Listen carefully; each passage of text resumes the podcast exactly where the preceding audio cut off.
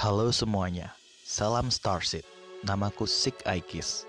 Selamat datang di Semesta Sik Network Mythology.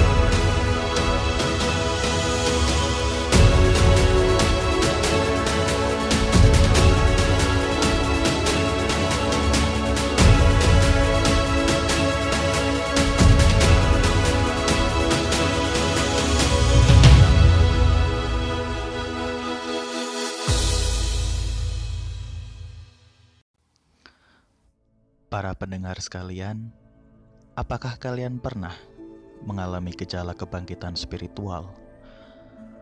Ataukah kalian tahu apa itu kebangkitan spiritual?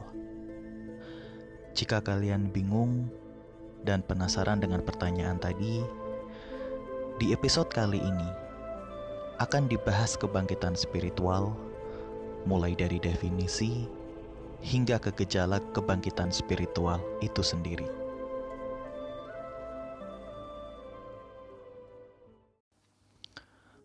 Kebangkitan spiritual adalah proses berkelanjutan di mana manusia menjadi sadar akan hubungannya dengan yang tak terbatas dan menjadi sadar dengan alam spiritualnya.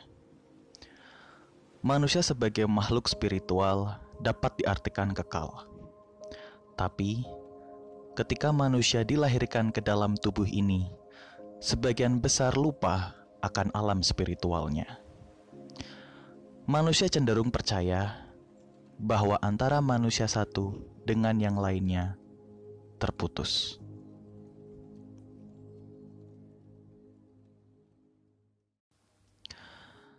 Ketika manusia mengalami kebangkitan spiritual, ia akan menjadi sadar dengan alam spiritualnya. Mulai memahami bahwa ia terhubung dengan manusia yang lain Akibat dari kebangkitan spiritual ini, manusia akan sering mengalami beberapa gejala spesifik.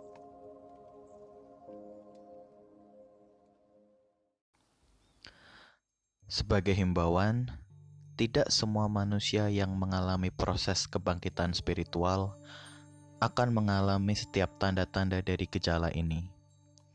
Tapi, mungkin akan mengalami setidaknya beberapa poin di antara gejala-gejala berikut.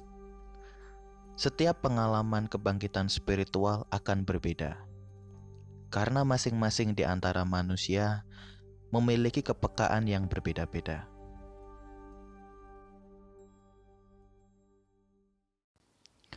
Gejala pertama adalah peningkatan minat akan dunia metafisik dan paranormal. Manusia yang sedang mengalami kebangkitan spiritual akan tertarik dengan ilmu metafisika dan fenomena lain seperti pembentukan kristal, kartu tarot, reiki, paranormal, dan mediumisasi. Minat ini akan membantu manusia dalam memahami kebangkitan spiritualnya. Gejala kedua adalah aspek keagamaan. Aspek keagamaan menyediakan keseimbangan yang selaras dengan ilmu metafisika. Aspek keagamaan dapat memberikan penjelasan atas pertanyaan mengenai kebangkitan spiritual. Gejala ketiga adalah sensasi tidak biasa di ubun-ubun kepala atau di cakra mahkota. Ketika cakra mahkota berdengung atau mengalami sensasi lain, terdapat indikasi bahwa manusia terhubung dengan baik dan dalam keadaan sedang menerima energi alam semesta. Gejala keempat adalah bunyi dering atau dengung di telinga. Selayaknya anjing yang dapat mendengar suara bernada tinggi, dering di telinga menunjukkan bahwa manusia mulai menjadi lebih sensitif terhadap frekuensi yang lebih tinggi. Gejala kelima adalah vertigo. Saat energi manusia naik atau ascension, terkadang mulai merasa kehilangan keseimbangan.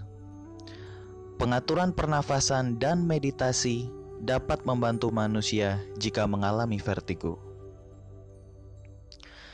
Gejala keenam adalah rasa peningkatan menggigil atau menggigil bukan karena penyakit Menggigil adalah gejala bahwa manusia terhubung dengan sumber energi. Gejala ketujuh adalah cenderung mengambil hal-hal yang kurang serius.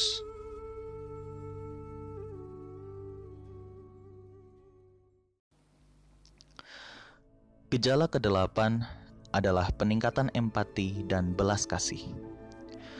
Manusia yang mengalami kebangkitan spiritual akan mudah untuk berinteraksi dengan manusia lain melalui cinta dan penerimaan.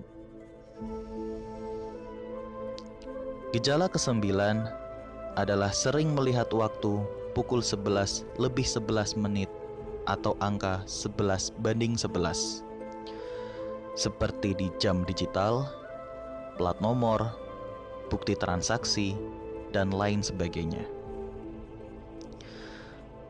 Gejala ke-10 adalah sinkronisitas. Sinkronisitas yang bermakna kebetulan. Gejala ke-11 adalah proses menerima kematian. Jika manusia menyadari bahwa dirinya bersifat kekal, kematian akan dirasa kurang menakutkan dan lebih dapat diterima manusia bisa dengan nyaman memahami bahwa kematian hanyalah transisi, bukan akhir yang mutlak. Gejala kedua belas adalah tumbuh minat dalam aktivitas yang membina hubungan antara pikiran, tubuh, dengan jiwa. Seperti melakukan yoga, meditasi, atau seni bela diri. Gejala ke-13 adalah mampu menerima pesan dan memahami apa yang manusia lain katakan. Ketika manusia terhubung dengan alam spiritualnya, ia sadar akan pesan yang dikirim untuk berkomunikasi dengannya atau mengilhaminya. Misalnya, saat kondisi kritis, manusia mudah melihat persis kata-kata yang dibutuhkan untuk dilihat dan yang tertulis pada tanda jalan, atau melihat pembentukan awan yang penting dan bermakna, seperti bentuk hati atau malaikat.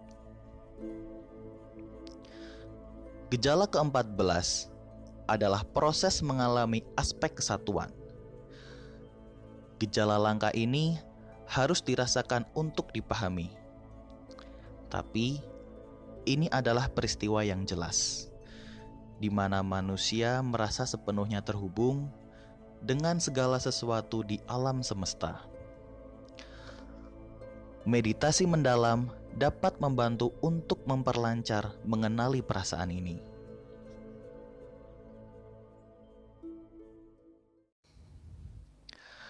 Terkait dengan sinkronisitas, Carl Gustav Jung, seorang psikiatris dan psikoanalisis berkebangsaan Swiss, yang menemukan psikologi analitik pernah menciptakan konsep psikologi, salah satunya bernama sinkronisitas. Teori sinkronisitas adalah pengalaman dari dua atau lebih peristiwa bermakna yang saling terkait, di mana tidak mungkin berkaitan secara sebab akibat. Manusia melihatnya sebagai peristiwa kebetulan bermakna Carl Gustav Jung menciptakan istilah sinkronisitas untuk menggambarkan apa yang disebut sebagai peristiwa-peristiwa yang bukan berasal dari sebab akibat yang kebetulan terjadi. Carl Gustav Jung meyakini bahwa banyak pengalaman yang kebetulan karena kebetulan mengesankan manifestasi atau kumpulan dari peristiwa-peristiwa paralel atau keadaan-keadaan dalam hal bermakna yang mencerminkan kedinamisan. Carl Gustav Jung pernah berkata, "Sinkronisitas adalah realita yang selalu ada bagi mereka yang memiliki mata untuk melihat."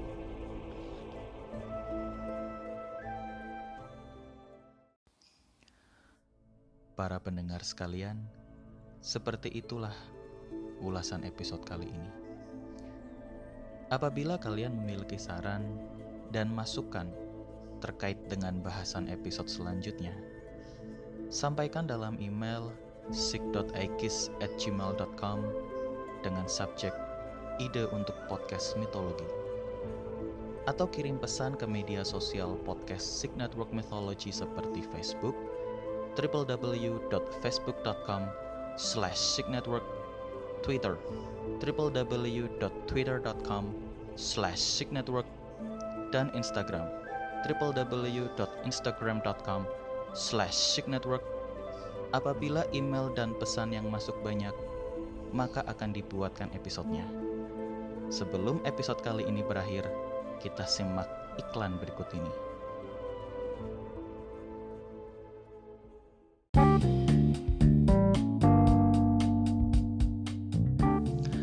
Siaran ini dipersembahkan oleh Salon Kecantikan Dewi Afrodit, Aurania Beauty Salon. Salon kecantikan yang bisa mengubah Medusa menjadi Madonna.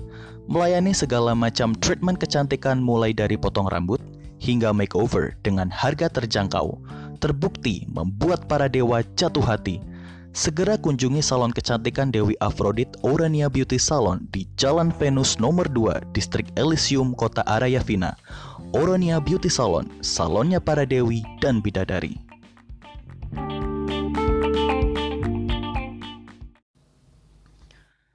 Jangan lupa untuk selalu mendengarkan podcast Sig Network Mythology setiap hari Sabtu di aplikasi Anchor.fm www.anchor.fm slash signetwork atau di aplikasi Spotify.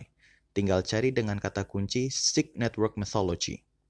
Follow juga akun media sosial Sig Network Mythology seperti Facebook, www.facebook.com slash signetwork, Twitter, www.twitter.com slash signetwork, dan Instagram, www.instagram.com slash signetwork. Jangan lupa untuk mendukungku di platform apresiasi kreator bernama Karya Karsa di www.karyakarsa.com slash signetwork mythology. Dukungan teman-teman pecinta mitologi sekalian akan membantuku untuk terus berkarya. Apabila kalian memiliki ide ataupun saran untuk episode podcast Sig Network Mythology, email saja ke sig.aegis@gmail.com dengan subjek ide untuk podcast mitologi.